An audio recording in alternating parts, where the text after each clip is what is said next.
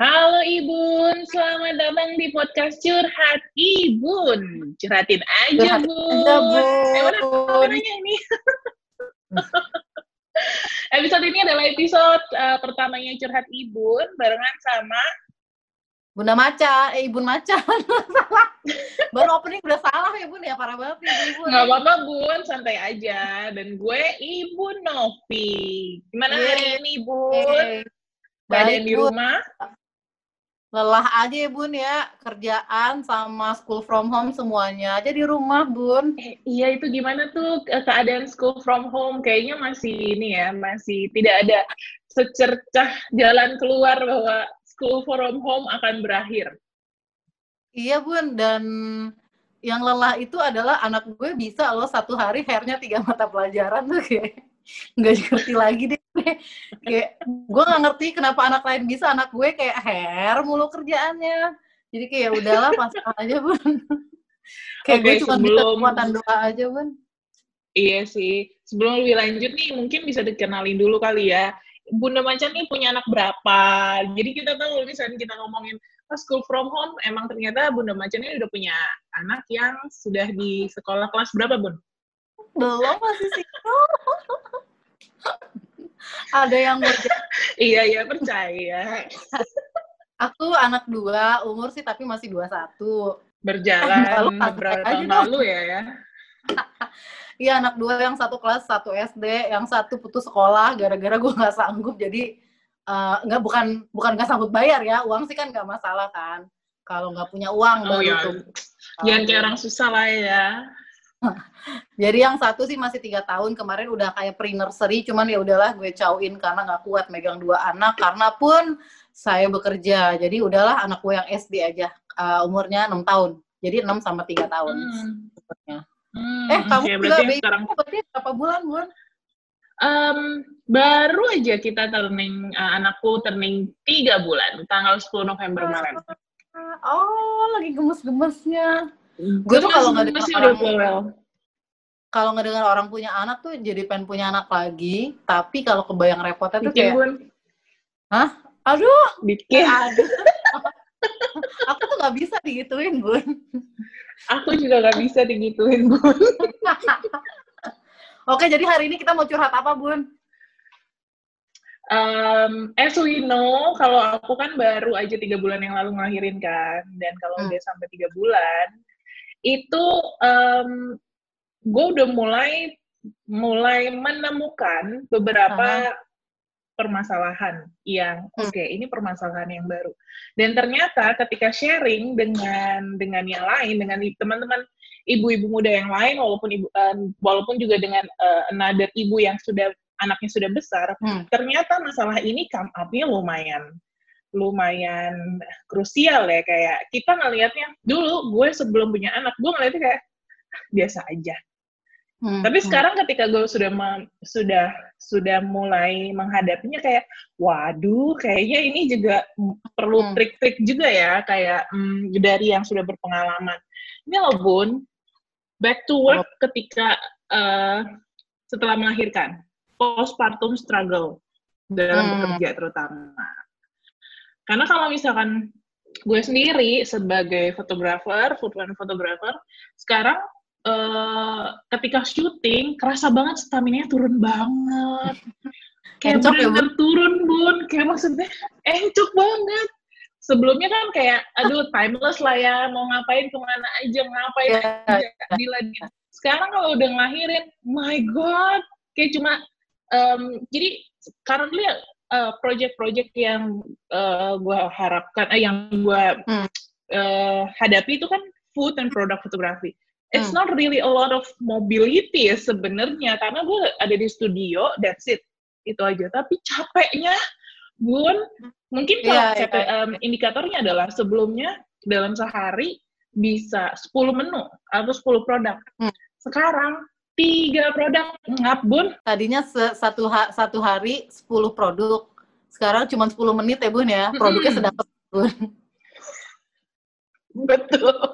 Tapi menurut betul betul. gue, jadi kayak uh, uh, kayak gue liat Instagram lo gitu kan ada ada beberapa story lo lo sambil kayak ngeker ngek ngeker. Apa sih ngeker ngeker apa gitu bagus apa sih ngeker? Ngeker ya itulah pokoknya. Kamu kayak membidik-bidik. Ngeker-ngeker gitu tapi yeah. sambil gendong bayi yang menurut gue itu wah gila yeah. top abis sih. Dan it's a good thing sih sebenarnya lo masih bisa kerja dengan kondisi baru punya baby. Karena waktu dulu gue abis lahirin anak pertama itu karena gue sebelumnya adalah pegawai ya gue bukan bukan profesional yang gue bisa punya jasa sesuatu nah itu sempet gue nggak kerja berapa tahun ya? Agak lama kok empat tahunan gitu gue nggak kerja. Eh sorry gue nggak kerja dua tahun. Abis itu gue coba build bisnis gue punya uh, clothing. Waktu itu kaftan.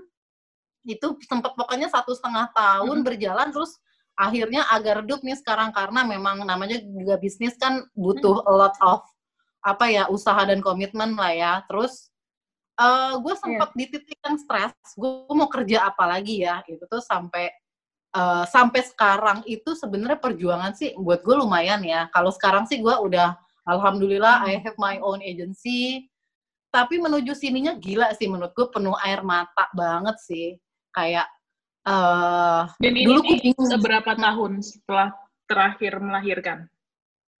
Pokoknya berarti kan gue anak pertama 2014. Gue kerja bangun agensi gue ini 2000, bentar, 2017. Sebenarnya kalau agensi pribadi gue tuh baru satu setengah tahun lalu, tapi gue bekerja di agensi lain hmm. itu di 2018 pertengahan kurang lebih gitu. Dan itu gue hmm. harus merelakan bos gue umurnya jauh di bawah gue, semuanya jauh di bawah gue dan gue mesti belajar sama mereka mungkin mungkin itu perkara gampang ya buat beberapa orang tapi buat gue sih gila men gue umur pas itu tuh 30 tiga puluh empat tahun bos gue umurnya 26 hmm. teman-teman gue umurnya 21 kayak kayak mbak kamu gini nggak tahu nggak tahu. Mbak ini loh mbak zoom tuh ngomongnya pencet yang ini gitu. Yeah, gue yeah. gimana dong? Gue kalau Nokia 3310 gue tahu. Nah ini zoom nggak tahu gue. Gitu kan. Tapi ya ya alhamdulillah sih bisa. Iya sih memang alhamdulillahnya memang um, karena kan karena aku tuh ngelahirinnya enggak ngelahirinnya sesar kan ya jadi hmm, hmm. postpartum I, I, I think uh, ibun ibun macan juga sesar kan ya kalau nggak salah sesar dua-duanya sesar masih kenceng dong iya apanya kenceng bun maksudnya otot-ototnya ya bun ya otot oh, suaranya kenceng ya. Baik, baik, baik. Bisa. Hmm. Nah, lo apa yang memutuskan lo okay. balik kerja secepat ini, Beb? Kayak, uh, kayak why Naomi, eh, baby lu namanya Naomi kan ya, Bun? Iya, iya. Namanya iya, Naomi. Ya, wow, why, apa, no Naomi ya, karena bule ya. Oh, ampun ya anak zaman sekarang ya, gue juga gitu deh nama temen-temennya si Abi, Max, terus Jesselyn, apalah gitu, nggak ada yang Tono, kan zaman kita dulu itu. Jayanti kan gak tapi nama nama Jayanti. Jayanti. Udah gak kuat, gak kuat. Terus nama gue, nama gue Dewi kan, kayak macam manusia Indonesia semua nama Dewi. Dewi Savitri ya kan? Dua-duanya namanya Indonesia. Terus kalau Google Dewi Savitri kayak banyak banget namanya sama. Nah, apa gue nantinya penyebab yang yang mendorong apa lo ya? yang untuk kembali secepat ini gitu? Sebenarnya agak sebenarnya agak panjang nih ya. Jadi sebenarnya uh -huh. uh, sebelumnya ini sebelum sebelum balik ke fotografi, memang kan sebenarnya fotografi ini sudah sudah uh, sudah sudah gue tekuni itu dari dari 2000 2012 lah sekitar 2012 tapi nggak bener-bener di pursu as career sebenarnya Lalu hmm. uh, setelah itu gue lebih fokus ke wedding planner. Nah, hmm. Nah, karena di pandemi ini terjadi wedding nggak ada dong. Hmm. Uh, terus hamil, terus melahirkan. Jadi blessing in disguise ya sebenarnya karena pandemi ini tidak ada. Uh, jadi bisa fokus ke ke bayi, kehamilan dan juga pas um, setelah melahirkan.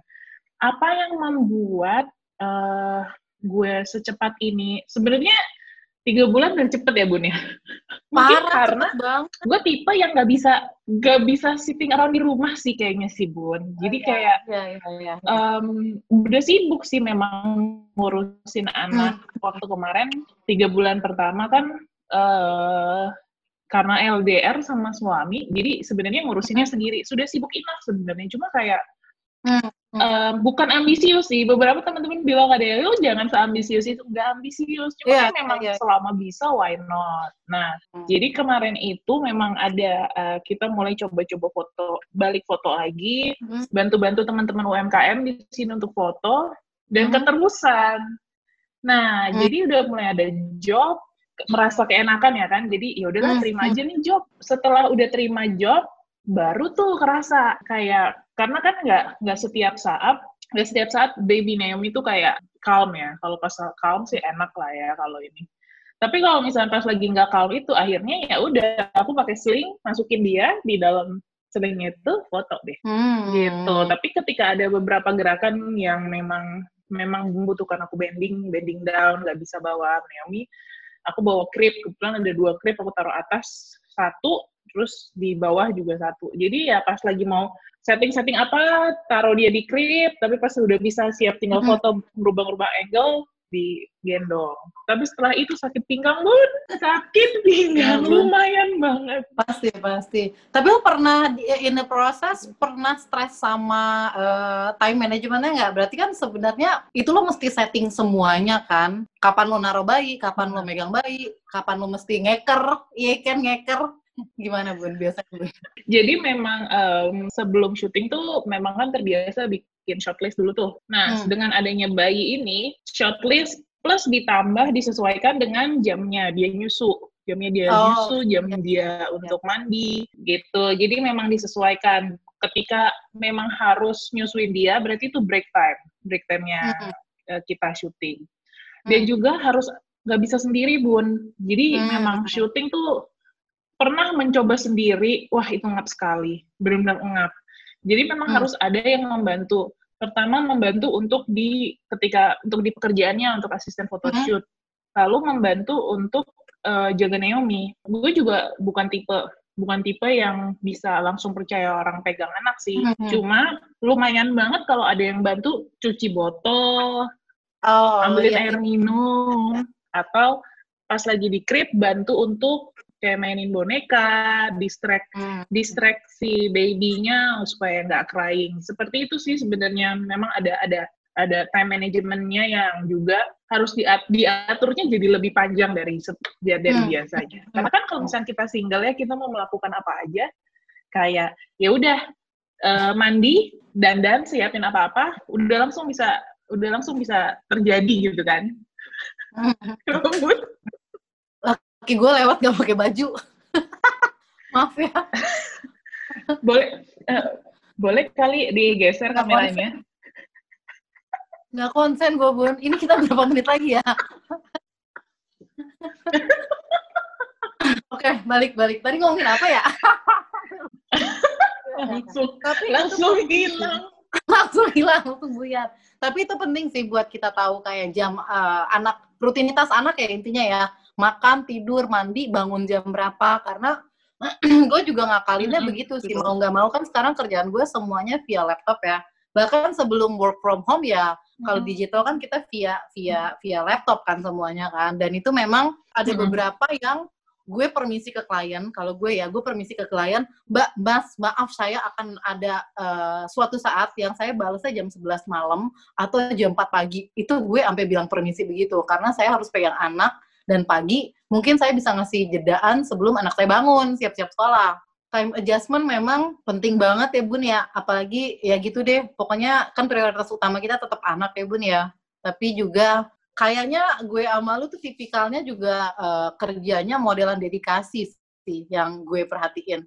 Nggak yang kerja biasa aja. Jadi memang kita berdua tipikal yang uh, apa tuh bun? OCD nggak sih kita bun? Enggak lah ya. Nggak mungkin OCD COD kalau gue sih. Enggak sih tawa mulu pun. Keranjang, keranjang udah di check out. Keranjang, coba. Keranjang online kita, shop sudah di check out. Sebelas bun, parah banget ini bun. Gue sampai nggak bayarin kartu kredit gue, biar limitnya nggak ada. Oh enggak, nggak sanggup gue bun. Oh ya balik lagi bun. Nah lo pernah yeah. gak sih bun? Kayak sekarang kan ini kan lo udah pernah beberapa kali uh, foto kan, terus mm -mm. di saat lo lagi struggle comeback buat kerja, tiba-tiba ada omongan miring yang kayak lo lo ambi banget kayak yang tadi lo ceritain, tapi sampai mengganggu pikiran lo gitu loh kayak, wah gila nih orang gue udah struggle struggle dia drag me down sama kata-kata toxic ya kan pernah nggak bun lo bun Iya, bener. Pernah, pernah banget. Jadi waktu awal-awal memang ada yang ada yang uh, bilang gini kalimatnya. Jangan hmm. sampai mengorbankan waktu waktu kamu bersama anak hanya demi pekerjaan atau uh -huh. hanya demi duit yang nggak seberapa karena waktu bersama anak itu lebih lebih berharga. Gue uh. menusuk menusuk maksudnya kayak memang maksudnya kayak gue sebagai new mom sebenarnya masih meraba benar-benar meraba banget kan untungnya untungnya ada beberapa teman-teman seperti Bunda Macan yang yang selalu yang selalu gue tanyain kalau ada apa-apa nah bayangkan ketika gue yang masih meraba-raba ada orang-orang tuh ngomong-ngomong gitu.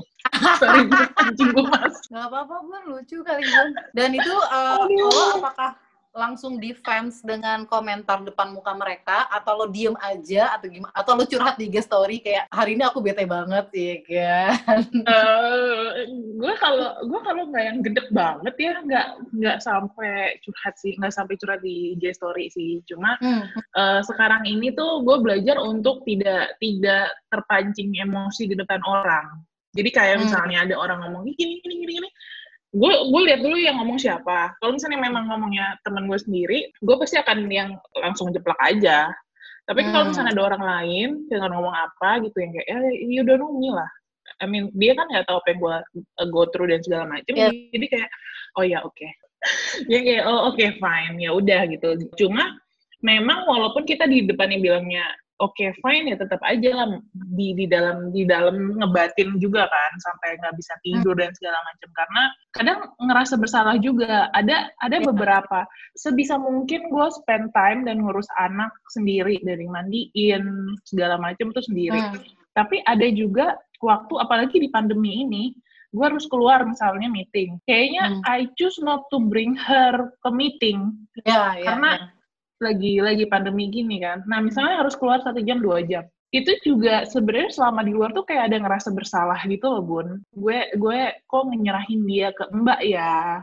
Hmm. Kok padahal dulu dulu tuh gue selalu bilang ah gue nggak mau ah nanti si mbak yang megang anak kan gue nggak kenal dia segala macam segala macam tapi hmm. ya memang memang nggak bisa sama sekali nggak bisa di, dihindari itu dan kita butuh yeah, butuh yeah. banget bantuan itu gitu dan entah mungkin karena memang secara tidak sadar orang-orang yang bilang lo jangan meninggalkan ini, jangan meninggalkan itu gitu. Nanti lo kehilangan waktu lah segala macam. Mungkin se secara nggak sadar itu tertanam ya di alam hmm. bawah sadar. Gitu. Hmm. Tapi kalau bunda bunda macan sendiri pasti kan sebelum pandemi ini hmm. handle dua anak nih ya handle hmm. dua anak terus harus meeting itu tuh where do you get all the energy? Pada intinya gini ya itu juga banyak banget yang tanya gue ibu-ibu lainnya kayak where did you get that energy? Kayak lu dua anak lu gimana caranya lu balas email jam 11 jam 4 lu udah bangun buat balas email lagi? Sebenarnya sih intinya adalah manusia akan bisa kalau terdesak ya nggak bun? Kayak lo ujian waktu kuliah mm -hmm. ya kan? Kayak bab satu terus giliran besok DO sehari aja kelar lo bab dua tiga empat gitu kan nah sebenarnya uh, hal yang sama sih terjadi sama gue. Jadi kayak pilihan hmm. buat hidup gue adalah lo kerja maksudnya lo mau mau mau tetap beres nggak nih kerjaan dan anak gitu kan. Jadi mau nggak mau gue juga ya, mesti betul, setting mindset gue gitu. Sebelum pada kalau waktu kan judulnya teknis kan tapi uh, before that mesti mindset dulu gitu. Bahwa gue iya pasti bisa gitu. Asalkan dengan note tidur cukup ya. Kalau kalau lo jam 11 email ya besoknya mungkin kalaupun memang uh, harus bangun lagi pagi banget ya itu mungkin lo dua hari besoknya istirahat. Meskipun sebenarnya nggak sehat ya begitu ya tapi kan bukan sesuatu yang gue jalanin rutinitas setiap hari gitu. Memang terkadang mm -hmm. pasti ibu-ibu yang kerja di agensi paham deh kerjanya agensi betapa mepetnya brand dan deadline dan segala macam. Jadi ya ya mau nggak mau gitu sama kemarin apa tuh gue ada merelakan beberapa project nah itu juga awal-awal tuh susah buat gue ya kayak ah cuan gue hilang gitu tapi belakangan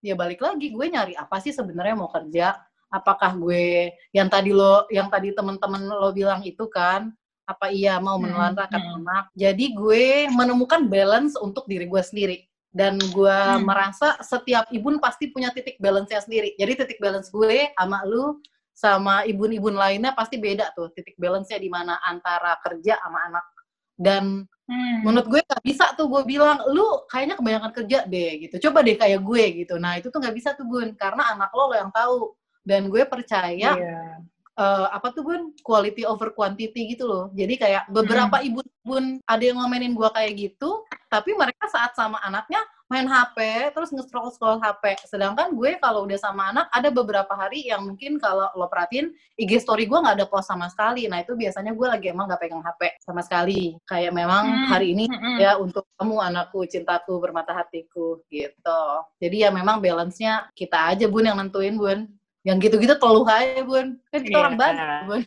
Jadi untuk teman-teman yang mendengarkan kita saya Novi kami adalah teman SD dari mana bun? Dari Serang dari Mardiwana Serang. Parah. Jadi ibu-ibu yang mau julid sama kita hati ya. Kalau tiba-tiba ada paket kecil di depan rumah yang nggak tahu dari siapa. Ya makanya hati-hati aja ibu-ibu ya. Hati-hati geng Iya tuh ge, bun.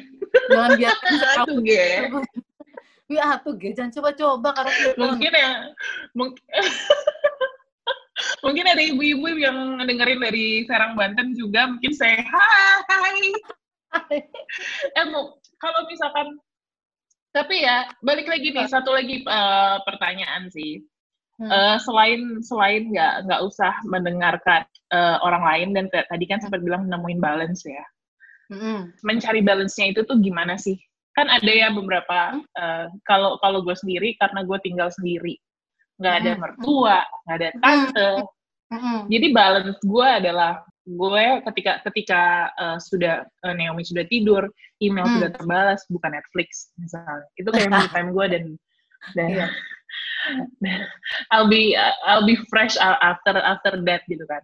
Cuma hmm. buat ibu-ibu yang lain mungkin mungkin ibu punya ibu macam punya hmm. tips nggak sih buat gimana sih cari balance-nya balance-nya lo walaupun sekarang tuh kayak lo meraba apa ya apa balance gue yang bisa dilakukan hmm. karena hmm. hektik banget kelihatannya hidup yeah, tuh iya, hektik yeah, banget yeah. kalau dia ada anak. Hmm, hmm, iya, iya, iya. Gitu. Kalau gue sih tipsnya yang pertama yang kayak tadi Novi bilang sadari kebutuhan kayak lo hmm. uh, lo sama gue kebutuhannya beda. Kayak dulu gue masih ada nyokap anak bisa titip sama nyokap. Kayak gitu-gitu kan. Terus kalau Novi mungkin di fotografi harus ngeker-ngeker ya kan? Berarti nggak bisa gendong bayi terus. Gue sama laptop gue iya ngeker ya kan? Jadi memang sadari aja dulu kita kita tuh butuhnya seperti apa sih gitu kan? Baru kita yeah. ke si yang tadi time management. Eh tapi sorry, before itu mindset dulu, mindset dulu. Tanamkan bahwa kita bisa gitu dulu sih menurut gue sih. Lo yeah, kalau kalau lo udah membebani pikiran lo dengan kayaknya nggak bisa deh, capek deh, kayaknya nggak ada deh gitu. Nah kalau gue tuh tipikalnya gue coba dulu. Kalau giliran nggak bisa ya ya udah nanti kita lihat nanti jalan keluarnya gitu kan. Terus yang tadi sadari kebutuhan sama validasi perasaan. Nah kemarin tuh gue belajar dari teman gue yang uh, mindfulness practitioner, Raden Prisya namanya, itu gue uh, diajarin validasi perasaan. Jadi ketika lo capek, sadari bahwa lo emang capek. Nggak usah di, diseger-segerin gitu, nggak usah. Lo emang capek, lo butuh istirahat, lo butuh mid time nonton uh, drakor misalnya, gitu kan. Jadi lo itu kan jadi tahu tuh balance-nya. Kapan lo harus ngerem, kapan lo harus stop. Gitu. Nah, itu di situ kadarnya beda-beda tuh biasanya tuh gitu. Hmm. Terus abis itu yang terakhir sih mungkin high expectation, eh gimana ya, jangan terlalu ambi kali ya. Jadi biasanya to do listnya ada 10, pas punya anak ya mau nggak mau sih sebenarnya. Bukannya kita gampangin atau jadi ini ya, jadi males gitu. Tapi ya memang akan dengan sendirinya, kita hitungan logika aja waktu 24 jam, berapa jam ngurus anak, berarti kan kita cuma punya spare hmm. berapa jam untuk kerja. Nah, logika manusia aja di berapa jam kerja itu ya berapa item sih pekerjaan yang hmm. selesai gitu. Jadi set hmm. goals tapi goals yang uh, visible untuk dicapai gitu. Udah gitu aja sih okay. Bun intinya sih. Jadi kita nggak terlalu capek juga Bun. Mungkin um, kemarin sempat ini mungkin juga bisa jadi salah satu tips buat hmm. ibu-ibu yang lain. Cari hal kecil yang memang sebelum mempunyai anak itu adalah jadi rutinitas kalau rutinan hmm. dan ini surprisingly kemarin tuh baru bener-bener banget kemarin gue temukan hmm.